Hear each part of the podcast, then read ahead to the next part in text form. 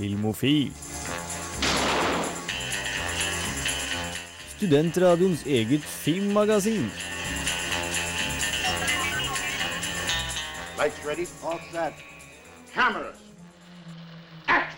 Hei, hei, og du hører på Filmofil. Det er torsdagskveld, og da er det selvfølgelig tide med den gode, kjente filmstemninga som vi bringer deg her hver dag på Radio Revolt. Vi skal snakke litt om eh, Den hvite manns byrde, enn nå hva det innebærer. Det kommer vi litt tilbake til senere ut i sendingen. Vi skal snakke om masse nyheter, som Trine, vår faste nyhetskorrespondent, selvfølgelig har med til oss. Og vi skal snakke om, eller vi skal faktisk få en anmeldelse av Don't Breathe, som du også, Trine, har vært og sett. Ja. Og jeg har vært og sett Snowden og skal snakke litt om den. Med oss i studio har vi på teknikk. Trine? Med oss har vi også August. Frida? Hans. Og jeg heter Jan Markus. Du hører på Filmofil.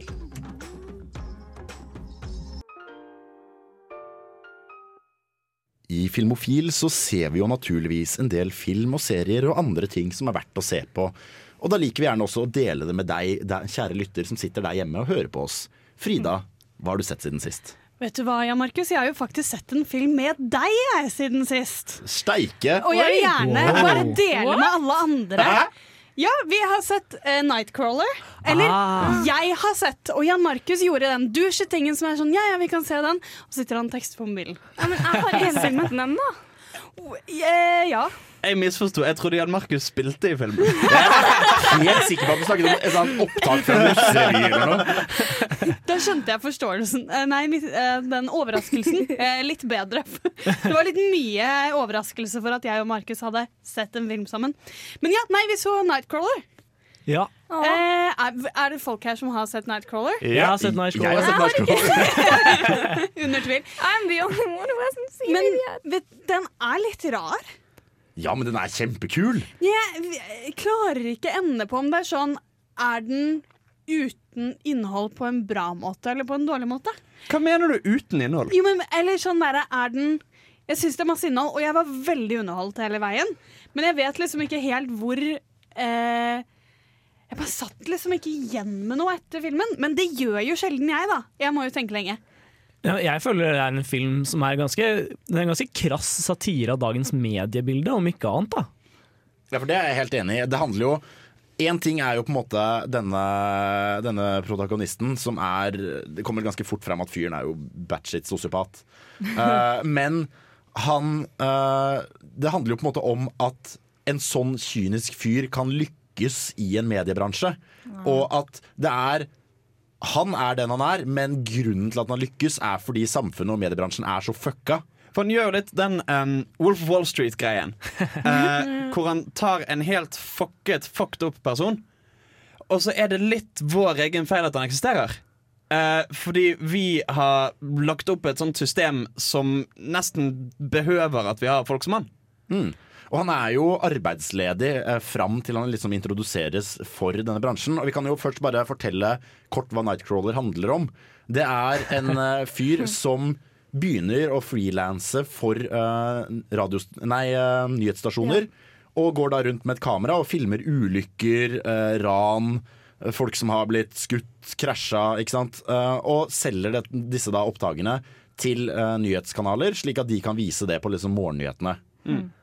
Ja. Jeg tror bare jeg satt liksom igjen med en følelse at det var et eller annet mer med han jeg skulle følt. Fordi det er sånn jada, jada, satire om Eller det er jo ikke engang en satire, det er en ganske krass kritikk. Jeg vil ikke si at de er sånn ha-ha-ha, men ser du hva vi har under eh, overflaten her? Det er bare overflaten. Og det er kanskje det jeg satt hele tiden med en følelse av sånn Er det noe mer med hans karakter som jeg ikke plukker opp noe annet enn at han er en sosiopat som bruker veldig sånn selvhjelpsspråk? Men om ikke annet så kan vi i hvert fall være enige om at det er en ekstremt pen film. Ja. Fordi Roger Deakins. Særs vellaget film også. Ja, ja, ja. Absolutt, det vil jeg si. August, hva har du sett siden sist? Jeg har sett en, eh, en klassiker siden sist. Jeg har sett Dirty Harry. Oi. Dirty Følte du deg heldig? Nei. Punk. Å ja. Følte meg skikkelig heldig. Telte du kula? Nei, jeg gjorde ikke det. Jeg har alltid lurt på hva det sitatet kommer fra. Eh, og det, det ga veldig mening i filmen. Jeg skjønner hvorfor det har blitt et sånn, et sånn eh, ja, filmsitat som går igjen. Ja, for dette er en film jeg har ikke sett sin helhet, men sveipet over eh, da jeg var som tolv på TV2 Filmkanalen. og jeg tenkte jo basically at det kom til å være en Die Hard-type actionfilm, men det er jo egentlig ikke det. Det er jo en litt sånn Clint Eastwood som går rundt og er Clint Eastwood.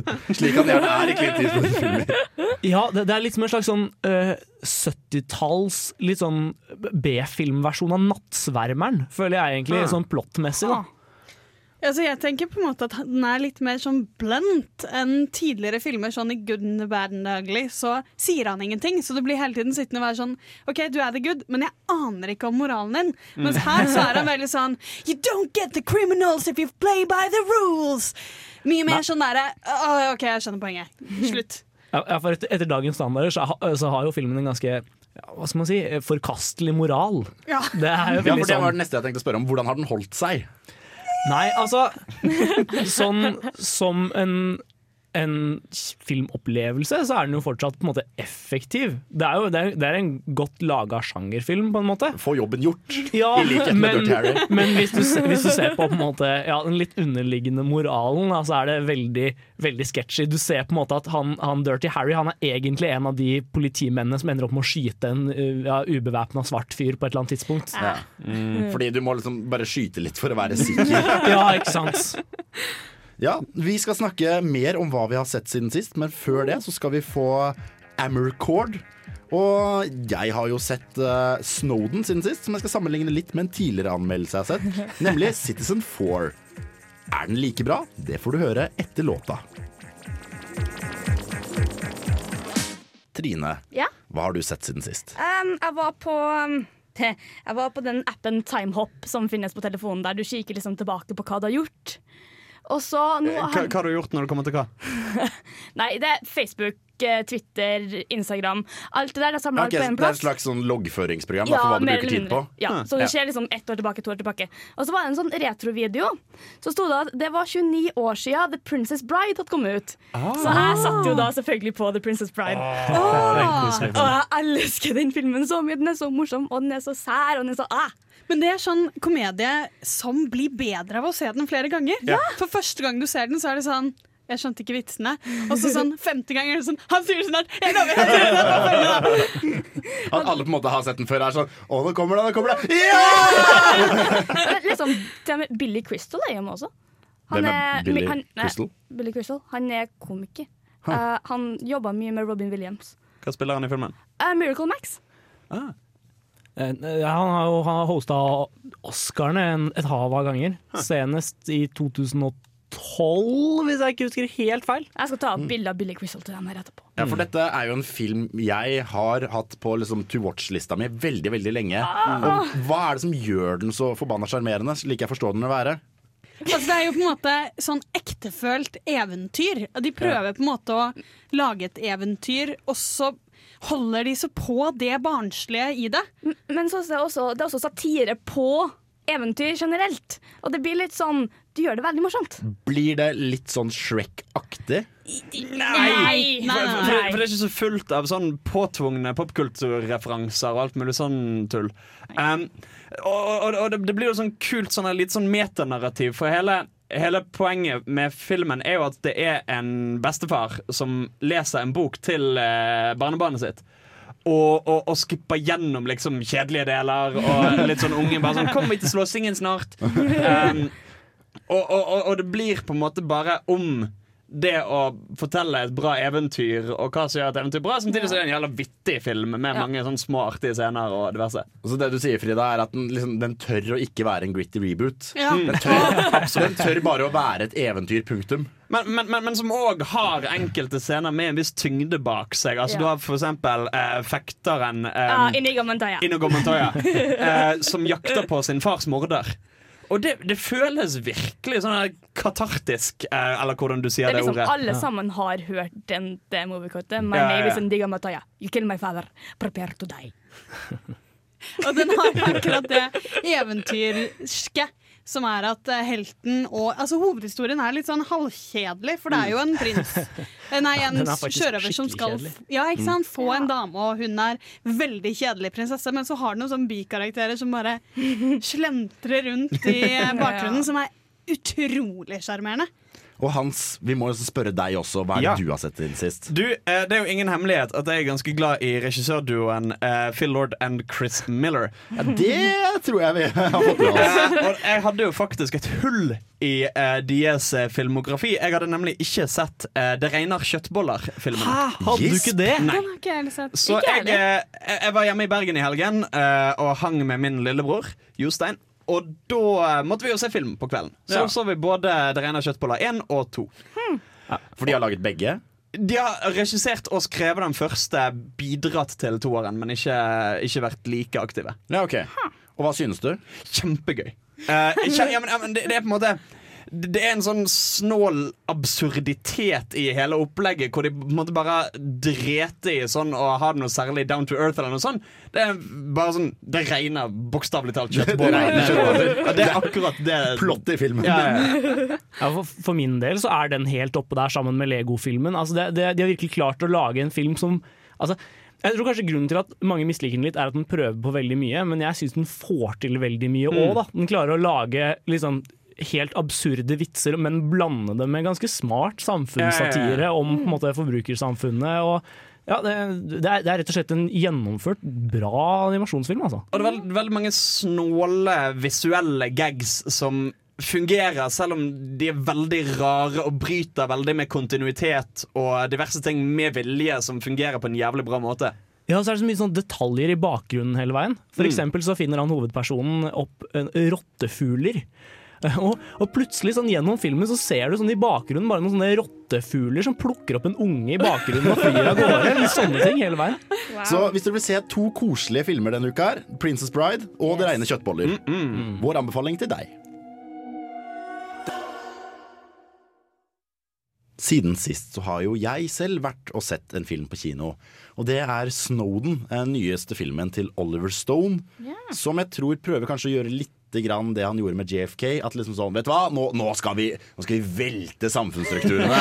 Nå skal vi snu det politiske Amerika. Fordi etter hans, uh, etter hans JFK så ble det jo gjenåpnet etter en sånn public outcry og furore. Så ble det gjenåpnet for, uh, den etterforskningen på drapet på JFK. Hvor de basically kom fram til at uh, ja, filmen din stemmer ikke allikevel, så liksom bare can you not?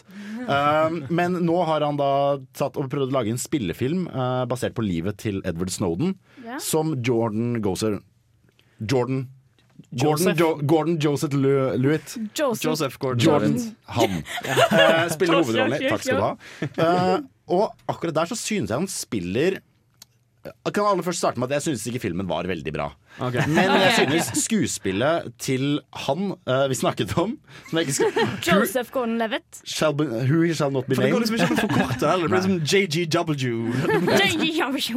JGW. Uh, Hvor kom W-en fra? han har Levitt i navnet sitt, vet du. Oh, ja, faen, jeg tenkte det var dobbelt? Never mind. Never mind. Uansett. Han uh, spiller og ligner ganske mye på Snowden, så det er jo selvfølgelig kult når skuespillerne gjør jobben sin og ligner på den de skal.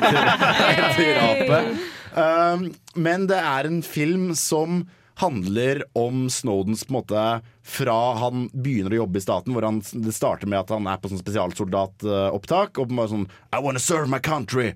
Uh, og så sier legen uh, du har fucka bein, så det kan du ikke. Så han uh, viser seg da å være kjempe, kjempesmart. Uh, og begynner da med etterretning og liksom programmere og sånne ting. Og du har selvfølgelig en scene der hvor det er et opptak. Eh, og så er det sånn, ja Dere har seks timer på dette her, ingen har klart det på under fem. Og han gjør det selvfølgelig på tre kvarter. Fordi, Selvfølgelig. selvfølgelig gjør han det. Selvfølgelig. Um, men det handler Jeg syns de klarer greit nok å på en måte ikke å prøve å gå helt 90-talls inn i liksom uh, hacking. Oh, you need to hack faster! At du har liksom uh, den greia. Men de har et sitat hvor uh, han ene sjefen faktisk sier Without minds like yours The United States will be torn apart in cyberspace. Wow. Så dypt. Det, det kunne vært verre. Det kunne også vært bedre. Uh, spesielt når de fyrer av litt sånn derre uh, Sånn hardtekno 90-talls uh, hacker eh, Hacker-soundtrack. Er det en sånn scene hvor Edward Snowden får et minutt på seg på å hacke inn i Pentagon mens en jente suger han og han har en pistol mot hodet? Jeg skulle ønske det. Men eh, nei, det er det ikke. Det det derimot har, er Nicholas Cage. Som Oi. gjør en liten birolle. Ikke noe stort, egentlig, og han gjør det helt greit. Han er ikke gal, liksom. Men han, han spiller litt oh Nicholas Cage. Men jeg mener, til filmen å være, så funker det. Og så er hun eh, dama fra The Fault in Our Stars med. Her, Shailene Woodley. Ja, eh, litt ugjenkjennelig. Sånn passe OK rolle. Ja, hun er kjæresten hans. Ja. Eh, og hele filmen foku- prøver liksom å sette litt sånn fokus på hvem er mennesket Snowden. Men greia er at jeg har også sett denne filmen som heter Citizen Four. Ja, Som Eh, som er en dokumentar som handler om uh, døgnene der hvor eh, Edward Snowden publiserer alt dette han har tatt, mm, fått tak i. Og det er litt tamt å se en gjenfortelling av det når du har sett den virkelige historien forta gjenfortalt i live. Hvor du har, liksom, hvor du har Edward Snowden, når du har disse journalistene som ikke er skuespillere. Ja, og så er det også litt et problem at Citizen 4 er så god som den er. Ja, det er en For en Citizen 4 er jo en, er en skikkelig bra film, også på et sånn thrillernivå. da. Du sitter der og er skikkelig spent. Ja, ja. Um, så så jeg, jeg- skjønner liksom ikke hvorfor de gadd å lage denne filmen, i hvert fall så kort etterpå. Jeg tror kanskje det er litt som jeg nevnte at Oliver Stone har én Jeg tror den generelle liksom, populasjonen i USA har begynt å få litt mer sympati for Snowden. Eh, og Citizen Four ble jo ikke Den ble jo liksom ikke sånn den store filmen. Så tenker Oliver Stone vet du hva, jeg er en stor, kjent regissør, så nå skal jeg uh, fikse dette her. Uh, hvis jeg bare forteller Snowden-historien på nytt, så kommer folk til å høre etter. Ja, fordi det fikk jo ingen politiske Det fikk vel ingen politiske følger etter Citizen Ford. USA har bare intensivert etterfølgelsen av hva er det man kaller det, whistleblowers? Ja. Ja. Som Snowden, da. Så og Bradley Manning og så videre. Eh, og denne filmen er egentlig unødvendig så lenge vi har Citizen Four, for det er så mye mer interessant å se den virkelige historien. Du sitter virkelig Når du ser uh, Citizen Four, så føler du at dette er historie som skrives rett foran øynene våre. Mens uh, når du ser Snowden, så tenker du at dette er en halvgod amerikansk spillefilm. Med et sånn mer eller mindre moralsk budskap. Men den kan jo gjøre det eh, at mange Altså få folk til å oppsøke Citizen 4. Få folk som ikke ville sett en dokumentar, som syns det er litt heavy. Som ser den her og er sånn Dette her, hæ, er dette sant? Og s kanskje de ikke har fulgt med da på internett. Og så går de og oppsøker Citizen 4, så de på en måte hjelper til å holde i gang Ja. oppmerksomheten på snøen. Ja, mitt spørsmål er mer hvor mange kommer egentlig til å se Snowden? Ja, det er jo spørsmålet. Vi får se det etter hvert. Men om uh, i hvert fall den klarer å vende litt på det politiske landskapet, så kan vel i hvert fall Oliver Stone klappe seg på ryggen og si seg fornøyd. Vi skal snakke mer om nyheter, men før det Marinimus med Restate Your Mind.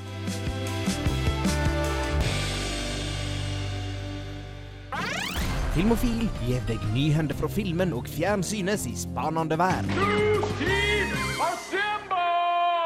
Tiden går fremover uansett hvor mye vi kjemper imot, og da har det selvfølgelig skjedd ting siden sist. Ja. Trine, hva er det som har skjedd siden sist? I, i filmsammenheng, I filmsammenheng.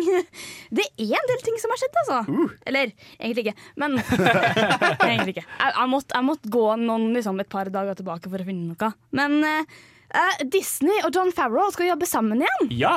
Fordi uh, John Farrow gjorde sist Jungelboken. Eide det. Ja. Og nå, Det kommer en Jungelboken 2, men det er ikke nyheten. Nyheten er det at de skal lage en eh, live action i gåsetegn, gåseøyne, eh, Løvenes konge. For det umiddelbare reaksjonen min er jo selvfølgelig å være skeptisk. Men jeg tenker det hadde, jeg hadde også vært like skeptisk hvis du sa Disney og John Favreau skal lage en Jungelboken uh, live action. Ikke sant? Som de gjorde. Ja, Som de gjorde. og som gikk veldig bra. Så kanskje vi skal ha litt tiltro til fyren. Når du sier live action i hermetegn Ja, men det, er jo, det blir jo bare CG, mest sannsynlig, for det er ikke noen mennesker i Nei, filmen. det var det jeg tenkte. Så er Eller liksom skal de bruke en ekte det- liten løveunge, men Ja, så i blir det, blir CGI? det, det, det blir jo ikke live action heller. Derfor live action. Å. Jeg, jeg skulle gjerne sett den spilt ut med bare løver og ville dyr som løp rundt der, som var dubba over. Det hadde vært kjempefint. Eller sånn, alle dyrene er CGI, unntatt Simba, som er åpenbart en liten gutt i løvekostyme. Når det skal sies, så er det jo Jeg vil si at uh, Løvens konge er hakket skumlere å pirke på enn eh, Jungelboken. Ja. Fordi det ligger Det var jo Den vant en Oscar, først og fremst. Den vant flere Oscarer. Den vant flere Oscarer. Og den ligger også litt ferskere i minnet og er på en måte en sånn emosjonell grunnstein i veldig manges oppvekst. Ja. Og så tror jeg så du har et eller annet med kildemateriale der. At Jungelboken har jo en bok å dra fra. Ja. Sånn at de kan være sånn Fuck sangene. Det går ikke at vi skal være CGI-animerte dyr og synge. Men vi har et kildemateriale, og Jungelboken har Hamlet. Jeg, vet, nei, jeg mener Løvens konge har Hamlet, jeg vet Ja. det. Men det er ikke helt det samme. De kan, da må du enten gått inn i Hamlet, eller Ja. så blir det litt halvveis. For det er veldig mye sangene. Ja, nei, jeg skulle gjerne sett en Løvenes konge som var mer tro mot Hamlet. Det hadde, blitt spennende. Holde hodeskallen i liksom. Å være eller Så ikke være. mildt positiv. Ja, Mildt positiv. Mildt Nei, negativ. Fordi eh, de skal ha med sangene, tydeligvis. Ja okay. Så vi- Så de skal, de skal ha bare klippe ut de gamle sangene og lime dem på nytt igjen? Eller ikke, for vi vet ikke om det blir de vanlige voice-aktorene som det var i første filmen. Ja, fordi Hvis ikke filmen starter med soloppgang, og liksom, ja, Sivanya! så er jeg skuffa. Ja. Eh, alle sammen husker Hot Wheels, sant? ja! Den, den, den, den lille bilen som du begynte å leke med. Med sånne her ramper og loops og Ja. De eh, hadde skikkelig catchy reklamesang. de skal lage en live action-film For de selvfølgelig skal de det. med Justin Lin som regissør. Ah, Altså kjent ifra Han gjorde den siste Fast and Furious-filmen. Han gjorde nettopp Star Trek Beyond. Det er bare liksom sånn Du, vi har sett du kan lage en bilfilm. så kan, kan ikke du bare lage en bilfilm, men mindre? Men tydeligvis så har den filmen her vært i verk siden sånn 2003. Men, men, men øh, fordi det jeg tenker umiddelbart, er jo at det virker jo som Justin Liden er en sånn fikser-fyr. Uh, typ sånn, Går inn i Fast and Furious, bam! Her er en bra Fast and Furious. Uh, Eh, går inn i den andre tingen han har lagd, Star Trek Beyond. Star Trek, bam! Her er en bra Star Trek. Jesus, ro deg ned litt, da. Jeg skal prøve. Um, at, at han kanskje er en type person som trengs for å gjøre dette bra. Det kan godt være. Fordi Det er jo litt sånn Duke Nukem-syndrom her. Hvis du holder på med noe lenge nok, så blir det ræva. Uh, I motsetning til det som kanskje virker log logisk. Så kanskje han bare kommer inn, gjør clean slate og fikser filmen på en eller annen måte. Ja, Men, men hva slags film kommer det til å være? Kommer det til å være en sånn Need for Speed-type adaptasjon? Hvor de bare liksom De lager en bilfilm som bare tilfeldigvis heter det samme som spillet? Eller kommer det til å være med små biler? Hva, hva kommer det til å være greia? Altså, dette er jo mye de samme tankene en kanskje gjorde seg rundt Lego-filmen. Uh, når den kom sånn Ja, hva faen skal vi gjøre her? Og så poff, ble det tidenes barnefilm. Så det kan jo faktisk hende de drar en kanin ut av hatten på denne. Kanskje det. Altså, det er jo samme tankene som, som de også hadde rundt Battleship, da. Så la oss ikke være altfor positive. Oh. Så vi kan vel egentlig konkludere med at filmer kan gå alle veier. Det handler bare om hvordan man gjør det. I Filmofil har vi det utrolig koselig, spesielt nå Hans, for han har fått høre to bergensrapper i løpet av bare starten av sendingen. Men det er ikke han som skal få prate nå, det er Trine. For Ja, vi får Trine skal, gi, Trine skal gi oss mer nyheter. Ja, Forrige uke så sa jeg jo det at Stanley skulle få en biopic. Ja. Og det har, eh, det har ikke kommet noen mer nyheter der, dessverre. Men Stanley har vært og spilt inn fire nye cameo på én dag for nye eh, Spennende. Så han er 93. Og jeg lurer på om han kanskje gjør det fordi han vet at han begynner å bli såpass gammel at han kan ikke gjøre det her så ofte. Ja. Det, har vært, det har vært veldig koselig å bli hedra mens jeg fortsatt lever. Jeg ser for meg at han bare leier et sånn studiorom med full green screen og bare går rundt som bare sånn Ja, det var typisk den superhelten! Og så går han videre. Han, han var jo i Atlanta. Det er der eh, mye av Marvel-filmene spilles inn nå. På Pinewood Studios der. Og de snakker jo om at de skal ha den i green screen, fordi at det er snakk Det er muligens snakk om Doctor Strange, Guardians of the Galaxy Volume 2, Spiderman Homecoming og Thor Ragnarok. Er det ikke litt douchey å fly han til Atlanta og så være sånn foran green screen? Ja. Kunne ikke jeg flydd én fyr og en green screen til, der, til det sykehjemmet Stan Lee ligger på og skal dø? Jeg tror du kan ligge på et sykehjem og skal dø akkurat da? Han er 93. Det er ikke lang, langt fra. Nå syns jeg du generaliserer veldig over alle 93-åringer her. Nå er liksom om at det, er liksom, det finnes green, green screen teknologi. Teknologi. Ja. Jeg må slutte å snakke engelsk på sending. Går. Men ja, det er nå det, da. Så det kan hende at uh, jeg er livredd hver gang jeg ser Stanley dukke opp på Facebook-feeden min og at han er død. Jeg, bare sånn, jeg sitter og forventer det, for 2016 var ræva. Ja ja. Det var synd. Eh, um, de to første episodene av Sherlock sesong fire har fått titler. Ja, spennende. Jeg vet ikke om hvor gira jeg skal være lenger. Henrik litt. Ringel, hold deg for ørene. Um, den første episoden skal hete The Six Thatchers. ja. um, Det står at den kanskje er Å, jeg vet hvilken det er! Det- Den er Frida, basert kom igjen! Frida, Frida, fortell oss! Fortell oss! Den er jo selvfølgelig basert på The Four Napoleons. Nei, Six Napoleons, tror jeg. Nei, det er fire i den originale. Er det? Det er Ja, kanskje. Eller OK. Nei, det sier jeg nesten, Ikke så det viktig. Six, men, ja. Men det er folk som går og dytter ned Det handler om byster, ikke om at uh, det er sånn time traveling Margaret Thatcher. Kroneangriper. Jeg skulle til å si at Det sies jo at det eneste som er verre enn Maggie Thatcher, er sex Maggie Thatcher. Oi, oi, oi. Og så Den andre episoden skal hete The Lying Detective. Som muligens er basert på The Dying Detective, der Watson skal finne ut hva som er galt med Sherlock. Hva, hva galt? Ja, men han um, tydeligvis i, i The Dying Detective, som er den originale historien, så er Sherlock syk. Og Watson skal finne ut Jeg tror det var noe sånn at Watson skal finne ut hvorfor han er syk. Så det er jo litt som vi nevnte tidligere, eh, at hva skal vi si, alt kan gå bra og dårlig. Det handler litt om hvordan man gjør det. Så da, men det er jo kule titler, og jeg liker jo også at de spiller veldig på de originale historiene og de originale titlene. Veldig gode historier. Altså, The Four or Six Napoleons er en veldig god historie. Det er en de jeg husker best. Og jeg liker når de kan holde seg litt til sånn Denne historien er bra, i stedet for Sherlock og alle hans følelser. Og, og forresten dop og sånn. Ja. Og den siste tittelen, den er fortsatt eh, ikke offentliggjort. det kommer en Fruit Ninja-film. Oh my god! Jeg er ferdig. Jeg, jeg stikker. Dette er da siste sending av Filmofil. Ja, ja, Markus går. Ja, ut av studio jeg vil ikke være her mer. Men fy faen, da. Ja, jeg vet at det er forferdelig. Det, det er liksom New Line og Sony Pictures and Animation. Jeg skjønner ikke hvorfor. What's wrong with movies today? Altså, jeg likte Fruit Ninja. Er det lov å skyte inn det? Spille, men det er liksom Hva i all verden skal du gjøre med en Fruit Altså, jeg Ninja-film? syns det høres episk ut. Det er en ninja som faren hans ble drept av en kokosnøtt. Så nå må han bare gå rundt og Er det en story i Fruktninja-spillet? Jeg bare antar. Jeg ser for meg at dette blir The Princess Bride, fruktversjonen. Ja, ja, siden ikke Jan Markus er her, så gjør jeg sånn.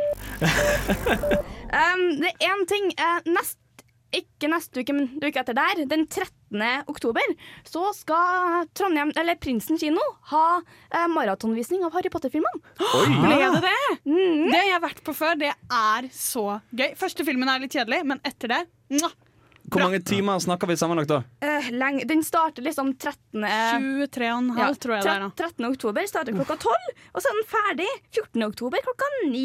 Ja, nettopp, ja. Ja. Hvor lang pause er det mellom hver film da? Ti minutter, og en lengre, minutter. ti minutter mellom hver film, og så er det en lengre pause midt i. Fordi Da jeg så den, så var det 20 minutter mellom hver film, og det funket perfekt. Men du må sove deg opp. Og så må du være Det som er kult med et sånn type maraton, det er at du tilgir filmene veldig å ikke være de episke, svære greiene.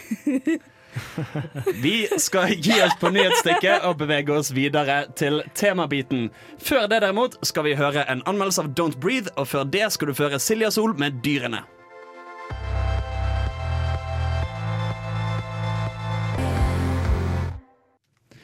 Jeg har ombestemt meg og kommet tilbake.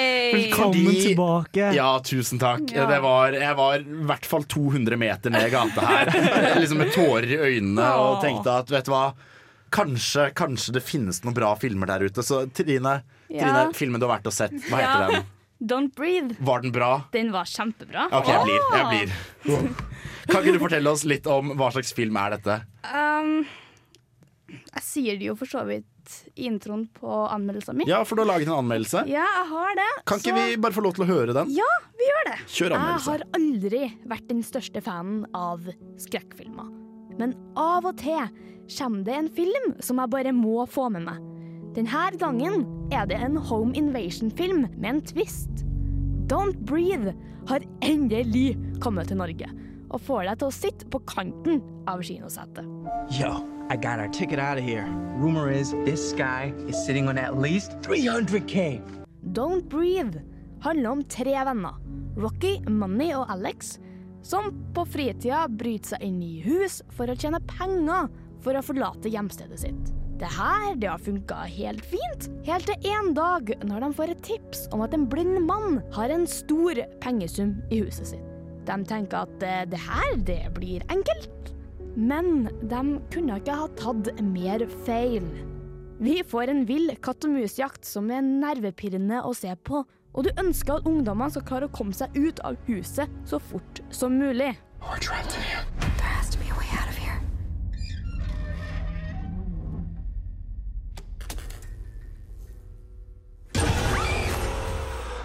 Fede Alvarez lager nå en glimrende skrekkfilm som ikke har fokus på å skremme publikum via såkalte jump scares, men lager heller en stemning som er så uggen at når du forlater kinosalen, skjelver du fortsatt litt.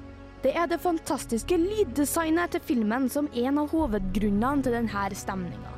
Når noe knirker, eller det kommer noen andre lyder, virker de enorme, og du forventer at den blinde mannen skal dukke opp rundt hvert et hjørne.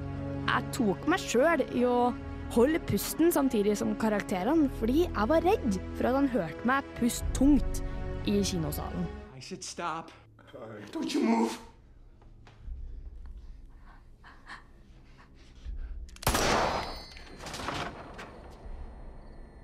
What are you gonna do now, huh? Huh? Stop! How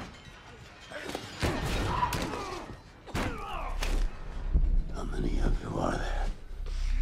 Skuespillerprestasjonene er også helt fantastiske i filmen. De tre vennene spilles på en troverdig måte av de tre hovedrolleinnehaverne, men her er det Jane Levy som spiller Rocky, som jeg vil trekke fram som ekstra god. Alvarez har tatt med seg henne fra remaken av Evil Dead, som han lagde i 2013. De andre to spiller også veldig, veldig bra. Men det beste må definitivt være av Steven Lang som The Blind Man. Han løfter filmen opp til et nytt nivå. Han er brutal, han er nådeløs, og rett og slett noe av det skumleste jeg har sett på film på lenge. Is he blind? He lost his sight in Iraq or something. That's kind of messed up to rob a blind guy, isn't it? Just because he's blind don't mean he's insane, bro. We do this tonight. Er det noe jeg kan trekke fram som ikke var så bra med filmen, var det kanskje måten den avslutta på. Jeg skal ikke spoile slutten, men den var kanskje tre minutter for lang. Det er et punkt der skjermen går svart, som virker som en fantastisk måte å avslutte filmen på. Men så fortsetter den i tre minutter til, og det virker som en alternativ avslutning som du har funnet når den er ute på DVD eller Blu-ray. What do you say you and I move away from mom together? Leaving? Yeah, as soon as I have the money. When are you coming back? Never. Og alt i alt er det her en veldig god skrekkfilm som jeg anbefaler på det sterkeste. Den holder på kanten av kinosetet i en og en halv time, og det er vel det en god skrekkfilm helst skal gjøre. Så føler du at halloween nærmer seg med stormskritt, eller at du bare trenger en film som kan skremme deg litt, dra og se Don't Breathe. Den hørtes, uh, hørtes skummel ut. Og i, i, uh, innen lydmiksingen der som du trakk fram, så hørte du også veldig den. Ja. Å, fy faen. Så er, er dette en film du, i likhet med liksom, antagonisten her, kunne sett blind? Hadde du liksom fått med deg Ja, men virkelig, ved å måte, lukke øynene og bare høre etter, tror du du hadde fått med deg omtrent hele storyen? Det er kanskje enkelte ting, men det er jo det er enkelte ting som er veldig visuelt, og så er det enkelte ting som ikke er det i det hele tatt. Det er en sekvens inni der der alt går svart-hvitt, og um, det, karakterene ser ingenting. Det, oh, gud. Skummelt. Skummelt! Jeg gikk, skjelvende ut av kinosalen. sånn. Men hvordan er den på jump scares kontra liksom bare spenning? Vet du hva, det er veldig lite. Hvis jeg skal, ting, hvis jeg skal sammenligne det med noe, så blir det liksom det er litt på nivået som det jumpscare til The Babadook, Ja. som vi så i fjor. Så det er liksom Det er veldig bra. Ja, for Da er noe litt interessant. Jeg føler eh, skrekkfilmsjangeren kanskje er i ferd med å ta seg opp litt igjen. For liksom, tidlig 2000-tall på skrekkfilmfronten var jo helt, helt forferdelig. Men, men nå i det siste så har vi fått interessante skrekkfilmer som The Babadook og It Follows. Um, The Conjuring. The Conjuring er også et eksempel. Um, så jeg, jeg så nylig Lights Out. Ja, var den bra? Den, den var ikke så dum. Den Det- traileren skremte meg så mye. Den skal jeg ikke se. Så, så nei, jeg, jeg, jeg har litt troa på at skrekkfilmsjangeren kan komme seg opp på beina igjen. Absolutt. Og jeg syns det er jeg synes det er så gøy at de kan lage en home invasion-film som på en måte ikke er så jævla Ikke er så jævla ironisk eller dekonstruerende. Eller ja. De har på en måte den tvisten med at det er de som bryter seg inn, og så begynner han å jakte på de i sitt Ja. eget hus. Men, men, men, men uten at det skal være så jævlig sånn Se her, er ikke dette konseptet litt teit, dere? Eh, nå skal vi tulle litt med det. À la typ The Purge, à la um, Funny Games. Um, Funny Games føler jeg ikke er helt sånn tullete, akkurat. Nei, men det er litt sånn oh, La oss leke oss med mediet. Er det ikke et tidspunkt i Funny Games han denne snur seg til publikum og sier noe sånn Are you, Is this enough? Are you entertained Altså, i. I hvert fall i, i Jeg har ikke sett originalfilmen, men i remaken Så er det jo blant annet et aspekt hvor han ene blir skutt. Og så tar den andre og plukker opp en eh, fjernkontroll og spoler tilbake, så han ikke er skutt lenger. Ja. Ikke sant? Det, det handler jo om at Michael Haneke er litt en pretensiøs uh, jævel som har lyst til å vise oss hvor forferdelig uh, Vi er? Ja, hvor forferdelig vi er som driver og ser på folk ha det vondt på, på film. Men, men jeg kjenner jeg veldig igjen med. Jeg er veldig optimistisk i forhold til skrekkfilm, og i forhold til det å lage skikkelig skrekkfilm. Ja. Eh, fordi selv om for eksempel, jeg syns 'Cabin in the Woods' var en knallfilm, eh, så er jo det òg en veldig sånn ha-ha, skrekkfilm. Eh, men, mens, mens det at den faktisk tar media og tar det på alvor og er skikkelig sånn Nei, nå bruker vi de virkemidlene vi har til rådighet, og fuck it, dette skal bli ekkelt og bra. Så vi kan tolke det litt som at uh, etter en litt sånn crappy 2000-tallsperiode, så har pendelen nå begynt å svinge tilbake, og den filmen her er med til å bidra til det. Ja, vet du hva, Den er kjempebra. Det er liksom, jeg ble overraska sjøl, for jeg liker jo egentlig ikke skrekkfilmer. Fordi jeg liker ikke jump scares. Nei. Nei. Det er det verste jeg vet om. Og når jeg var i kinosalen og så den her, så var det jo mer lyddesignet og soundtracket som ligger bak, og Steven Lang. Som, Så det var, det, var litt som, det var litt som god, sterk mat. At det var ikke uspiselig, men det gjorde vondt på en god måte. ja, det, er liksom, det, det kjenner jeg at jeg går ut fra kinosalen og er så fornøyd. I alle fall. Så det er en film du absolutt bør sjekke ut. Hvis du har lyst til å grøsse litt ekstra i høstmørket, så er det da Don't Breathe som går på kino nå, gjør den Ja. Jo, den kommer på fredag. Det er, den har i hvert fall jeg tenkt å sjekke ut. Kanskje vi får med til og med Frida på denne. Du skal få Justice Bli med. bli med med låta Randy.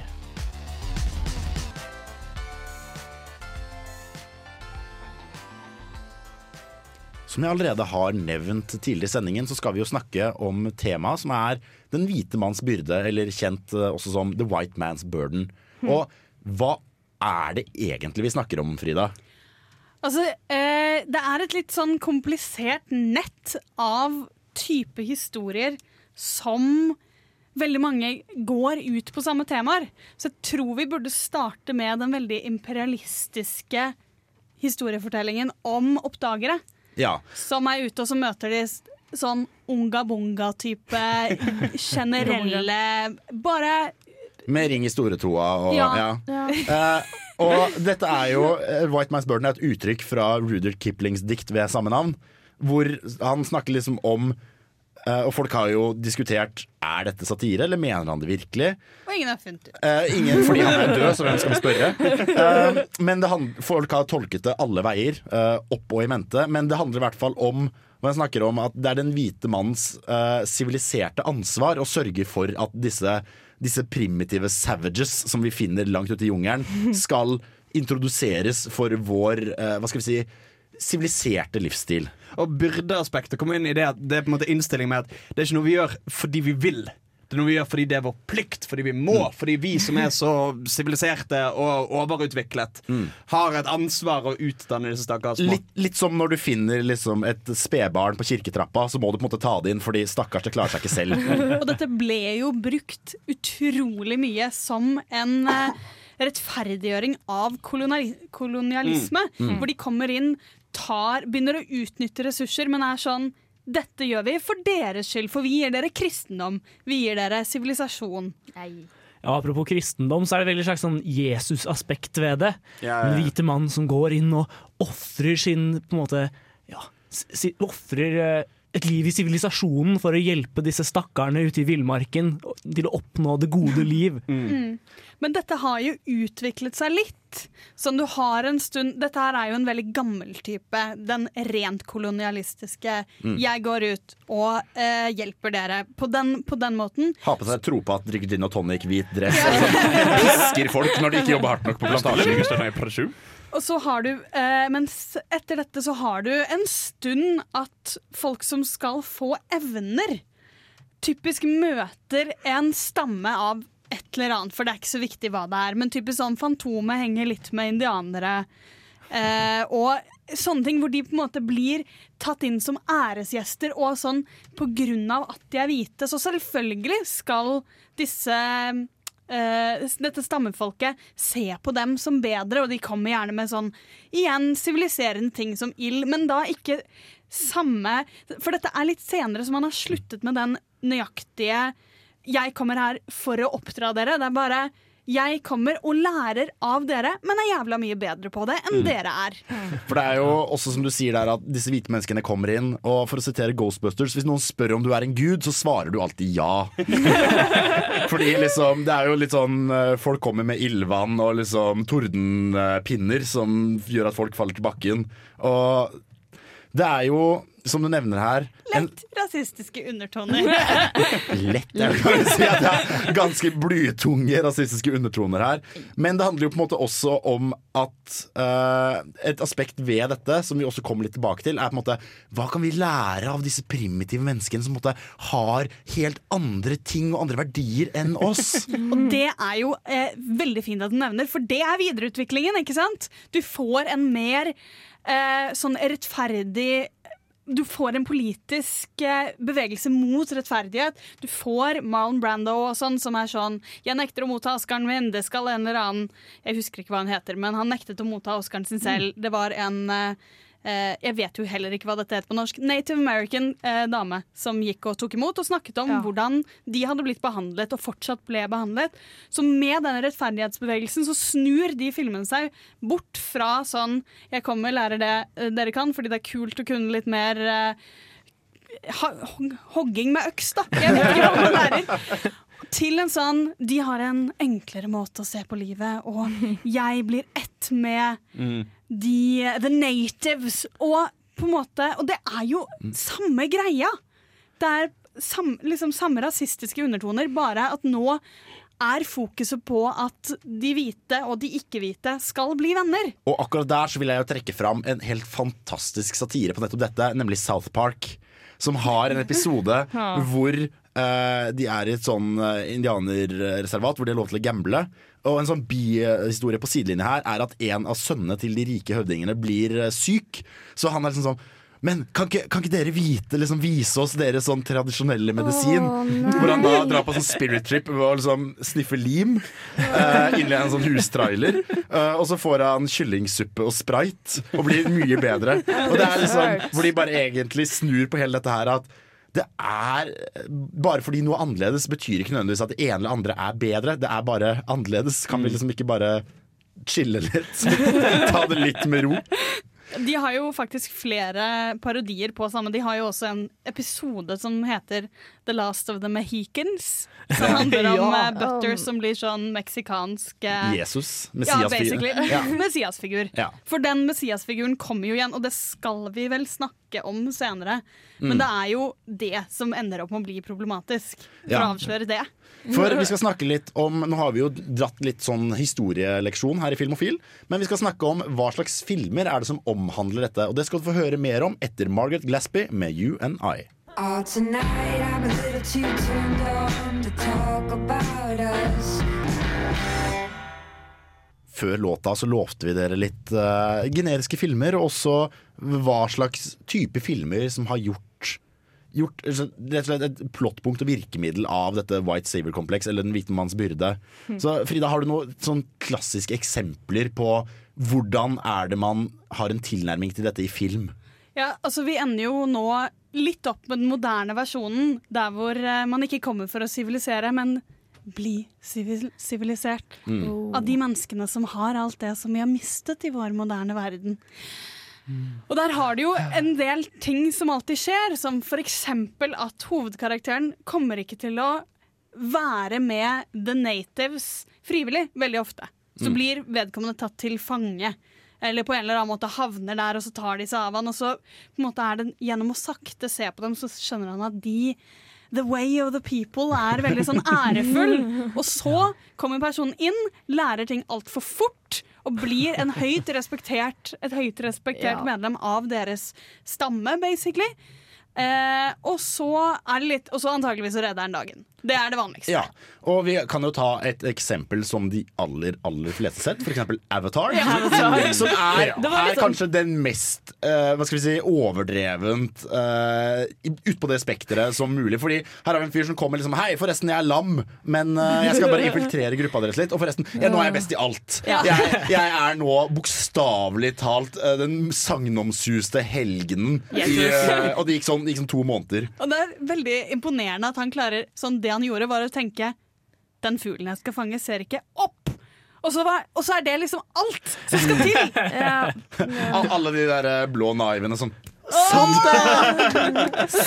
Der har du Faen! Og de som alltid har prøvd fra undersida. Funka jævlig dårlig hver gang. som er daua! Lærer aldri. Og så er det jo liksom Altså det, det er noe plagsomt òg i det at altså, i, i denne filmen så har du disse eh, industrialiserte jordboerne som kommer for å liksom bare kuke til alt sammen. Og naviene bare Hva gjør vi? Og så trengte de bare Jake Sully, som skulle komme og forene alle folkeslagene. Reiste rundt og holdt taler. Eh, vi må slå sammen. Slå sammen, ja! Hmm, Blekansiktet har eh, kanskje noe for seg. Ja, for det er jo eh, litt sånn at Hva skal vi si? Han eh, For det er som regel en han. Eh, en hvit mann, slik En det hvit gjerne er. En hvit mann som kommer og på en måte sånn jeg skal bruke deres metoder, altså, men dere hadde ikke klart det selv. Så det er litt det det handler om. At eksempel i Avatar, og også Danser med ulver, så er det jo en uh, fyr som blir I Danser med ulver så blir jo Kevin Costner tatt til fange. Og sånn å ja, men disse folka her er jo også mennesker. Eh, Kanskje vi skal bare slutte å drepe dem? Og så snur han seg til slutt mot sine egne folk, fordi uten han så hadde de ikke klart noen ting. Og så burde vi jo nevne filmer som fortsatt faktisk har eh, den, dette vi snakket om tidligere, med The Mighty Whitey. Mighty Whitey. Der har vi ukas sendingsnavn! Eh, som er at som er mye mer en person kommer inn og redder de andre som ikke har noen kvaliteter. Og der har du filmer som prøver å behandle veldig ofte moderne eh, raseproblematikk, sånn som The Help, Ja. sånn Ja. som The Blind Side, fikk masse kritikk.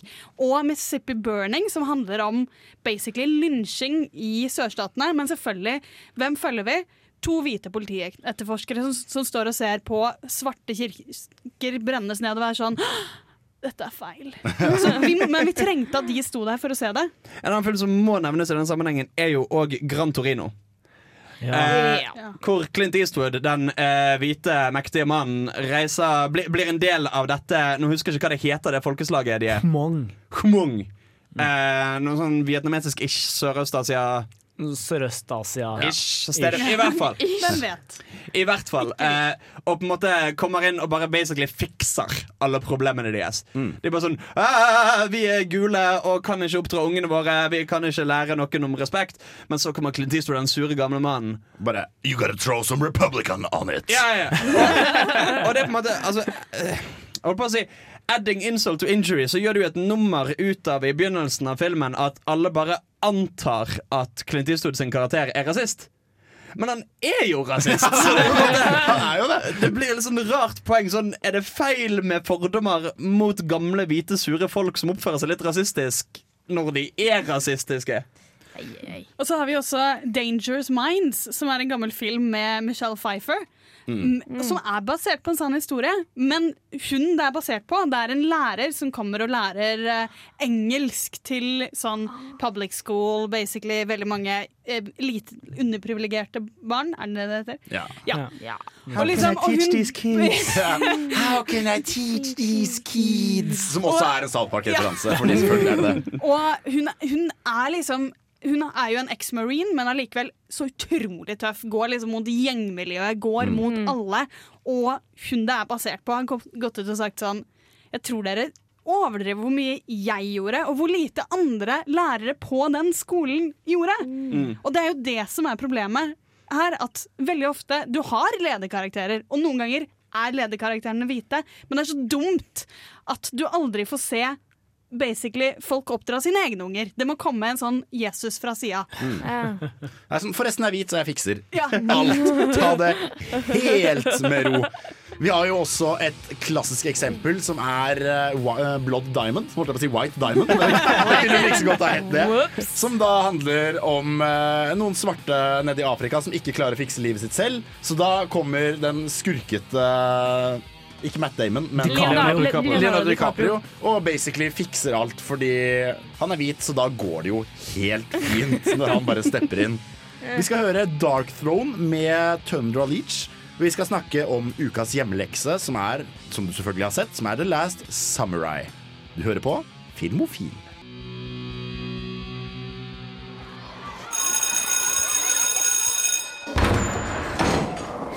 There will be no foolish wand waving or silly incantations in this class. No, okay, that's it for the day then. Today, we have a similar debate over this. Anyone know what this is, class? Anyone? Anyone? Anyone seen this before? Ukens hjemmelekse. Og ukens hjemmelekse er The Last Samurai. For det uh, passer jo veldig inn i det vi har pratet om. L kan ikke du bare oppsummere litt hvorfor? Hva er det han gjør? Tom Cruise. Tom Cruise kommer til uh, Japan, blir mm. samurai og blir en god samurai. Blir, blir den beste samuraien. Nei, for jeg har egentlig nevnt den fordi den gjør noen litt rare twerks. Ok. På, okay. Som jeg skal nå Twerks.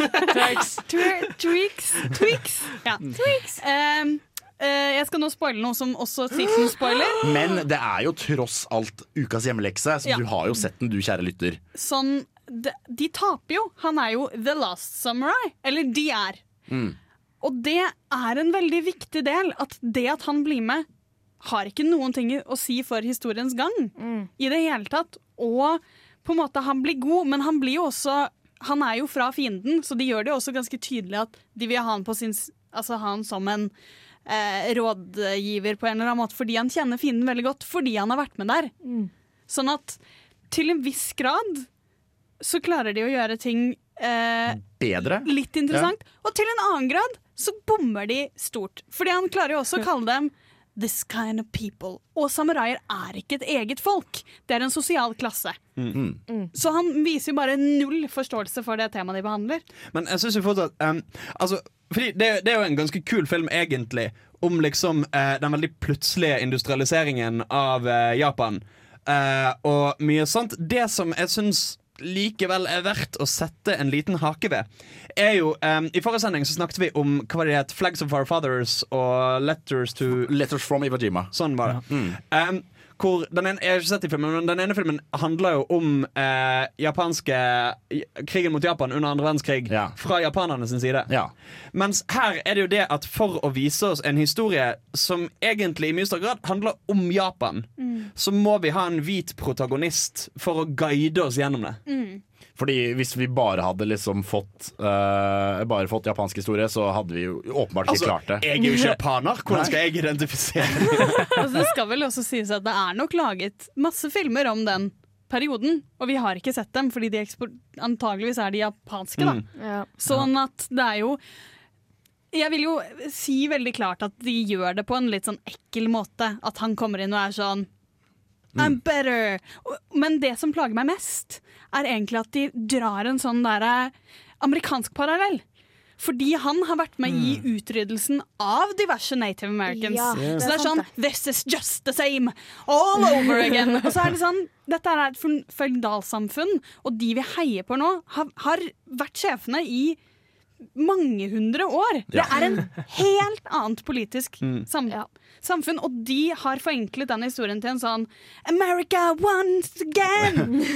Og Hans, du, har jo, du har jo funnet et klipp fra denne filmen. Det har jeg. Uh, dette er, for det, det skjer jo på et tidspunkt at um, karakteren til Tom Cruise tas til fange av uh, samuraiene, og så holdes i liksom fortet deres. Og her sitter han da, og så sakte, men sikkert så begynner han å reflektere over disse flotte, flotte japanerne, og kanskje Kanskje har de et eller annet ved seg som vi hvite i Vesten ikke har. Jeg syns du skal høre dette klippet. 1876. Day unknown. Month unknown. I continue to live among these unusual people. I am their captive, and then I cannot escape. Mostly, I'm treated with a kind of a mild neglect, as if I were a stray dog or an unwelcome guest.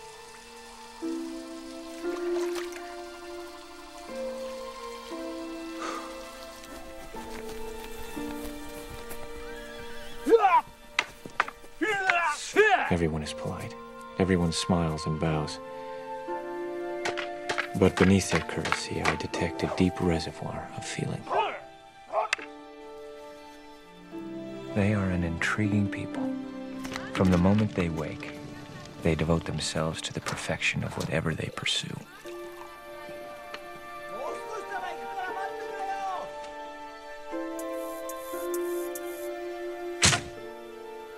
I have never seen such discipline.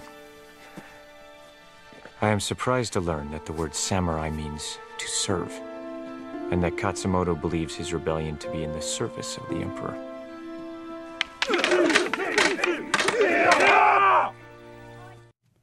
Ja. Um, dette er jo al Altså dette er jo eh, et eksempel på det Frida snakket om tidligere, hvor det er litt viktig for dem at de ikke skal framstille dem som eh, ogaboga-villmenn mm. som eh, løper nakne i gatene, noe japanerne gjorde på dette tidspunktet. Um, men må liksom framstille dem som eh, liksom veldig sånn høyverdige, veldig innesluttede, men de bærer liksom på denne indre sjelelivet som vi bare, vi bare kan ane så vidt. Og det som er Jeg vil si er Det er jo hyggelig, vel og nok det, men det er jo kritikkverdig at på en måte bare sånn Ja, men alle japanere Ja, er sånn. ja, ja, ja. Hver eneste en fra de er født, så bare liksom trener de med glorious nippon-stil hver eneste dag for å bli liksom de perfekte samuraiene. Alle sammen! Hver eneste en! Og det forsterkes jo tydeligere av han, at når han er på eh, den industrialiserte siden, så er det også samuraier som har gått fra sin Som har bestemt seg for å skifte side. Mm.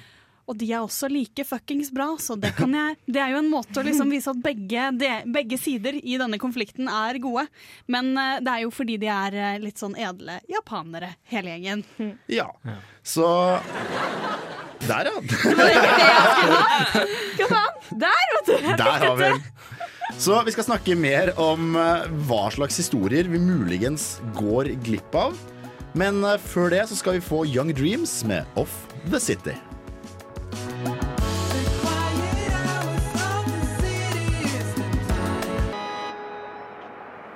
Vi har jo snakket litt om uh, The White Savior og Den hvite manns byrde. Og er det egentlig så farlig, da? er det så farlig, Frida? Kan vi ikke bare Det er jo en kul film, da. Last Samurai og liksom uh, Avatar og sånne ting. Hvorfor, hvorfor kan vi ikke bare lage sånne filmer? Altså, det dumme er jo at du På den ene side så underspiller du historier Altså deler av historier. Sånn du er sånn Å ja, men eh, var det du som var den viktigste karakteren? Vi, vi får deg litt med, for du var litt ned, for du var ikke så hvit. Så han som sto ved siden av, basically så på hele tiden, han kan egentlig være den som gjør mest her. Et veldig godt eksempel på det er jo The Last King of Scotland. Hvor det er, Mm. de lager en film om Idi Amin, men hovedpersonen er selvfølgelig den hvite legen hans. Mm. Det, er, det er veldig viktig at, at det er han vi forteller historien til i stedet for. For han er jo skikkelig spennende. Nei, jeg vil, jeg vil kanskje si at Farlig er det jo kanskje ikke, men det er jo kjipt. At, at, at, det gjør nok ingenting. Altså, det er nok ingen liksom um, Ingen fra Afrika eller Asia eller Sør-Amerika som på en måte har fått betydelig lavere livskvalitet uh, av at dette fortsatt er et stort aspekt i film. Men det er jo fortsatt kjipt altså, altså at folk fra ulike Unnskyld. At folk fra ulike kulturer og ulike nasjonaliteter ikke slipper til. Ikke får lov å fortelle sine egne historier. Ja, for Problemet her er ikke egentlig historien vi forteller, men at det er den eneste historien vi forteller. Ja. Mm. Fordi du får på en måte det samme narrativet gang på gang. Du får ikke på en måte et nyansert bilde. da. Og du har jo også Det er jo et problem når alle narrativene dine spiller opp mot fordommer som vi har allerede. Og på en måte raseproblematikk er jo ikke enkelt. Så at alle filmene er sånn Og så blir de bestevenner på slutten. Ja. Oh, er jo veldig dumt. De, eh, når jeg leste om dette, så var det et sted så sto det at på 80-tallet så var det så kulturell segregering i USA. At de fleste hvite var sånn Ja, men nå er vi ferdig med raseproblemet. Noe som er et problem når de ikke har den typen miksing. Og Det var jo også en av grunnene til at Blaxploitation oppsto. Ja. Fordi Ja. du kan ikke se svarte hovedroller på kino, så da må du finne opp en helt egen sjanger hvor hovedsalgspunktet basically er svarte er på kino. Og du har jo også enkelte historie, historiske hendelser som man ikke får filmatisert, for vi klarer ikke, uansett hvor mye vi prøver å putte inn hvite folk, f.eks. opprøret på Haiti, som er en viktig del av eh, den transatlantiske slavehandelen. Uh, og basically slaver som står opp for seg selv, og en ekstremt karismatisk leder, men han var dessverre svart. Så vi nekter å lage film om han. Samtidig så har det kommet noen filmer i det siste hvor man begynner å se liksom Jeg vet ikke, Noen av dere så Selma?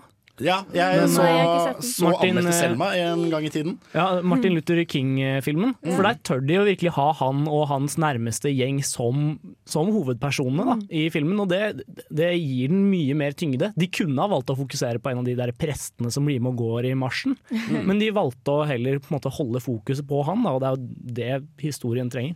Og, og der, der blir det òg naturlig å trekke fram um, en film og en TV-serie altså, uh, som begge handler om hiphop. Uh, da tenker jeg på uh, This Is eh, Nei, hjelp meg. The Get Down? Nei, jo, det er TV-serien jeg tenker på. The Ja. Get Down.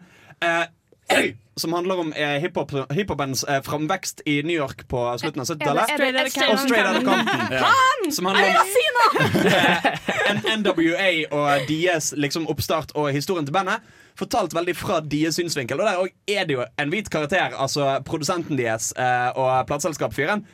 Men de valgte jo heldigvis ikke å fokusere så veldig mye på han, men heller la liksom eh, disse folkene fortelle sin egen historie. Mm. Og det tror jeg er eh, en veldig, veldig god ting. For The Last Samurai er ikke en dårlig film på den måten. Det er en kul film, for all del. Men det at folk får lov til å fortelle sin egen historie istedenfor å få historien fortalt for seg. At du har 12 Years a Slave. eh, som handler ikke om Bendik Cumberbatch, som Ja. liksom prøver å være snill med slavene sine. Eller eh, så har du også Selma, som du snakket om, hvor du ikke har en hvit borgermester eller politimenn som står på sidelinja. Forresten, vi må hjelpe han Martin Luther King med å krysse broa og sånn. Eh, men at du har faktisk de etnisitetene og de hovedrollene som faktisk er interessante å snakke om.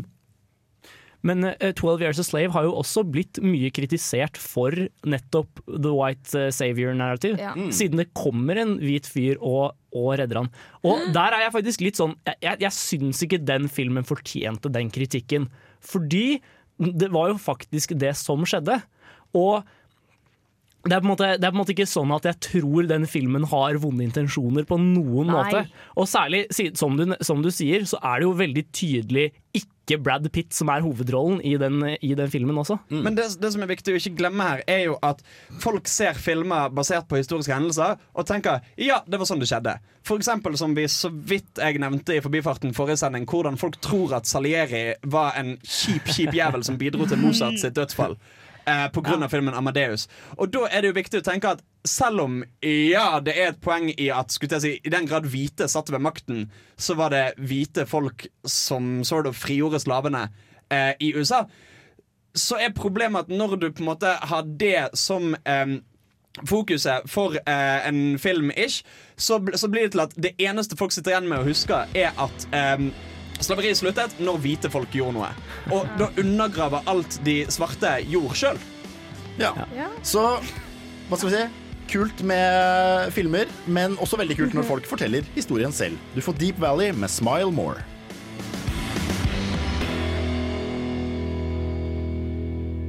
Play it once, Sam. Det er jo alltid å ha musikk når den er påtent. Helst noe indisk eller pakistansk. Ukas filmlåt. Og ukas filmlåt er ganske passende 'Colors of the Wind' fra Pocahontas. Yay. Som handler jo litt om det vi har snakket om, men her er det i hvert fall sett litt fra Pocahontas' synsvinkel, men kanskje med en litt sånn overhengende Hollywood-brille Uh, sett gjennom.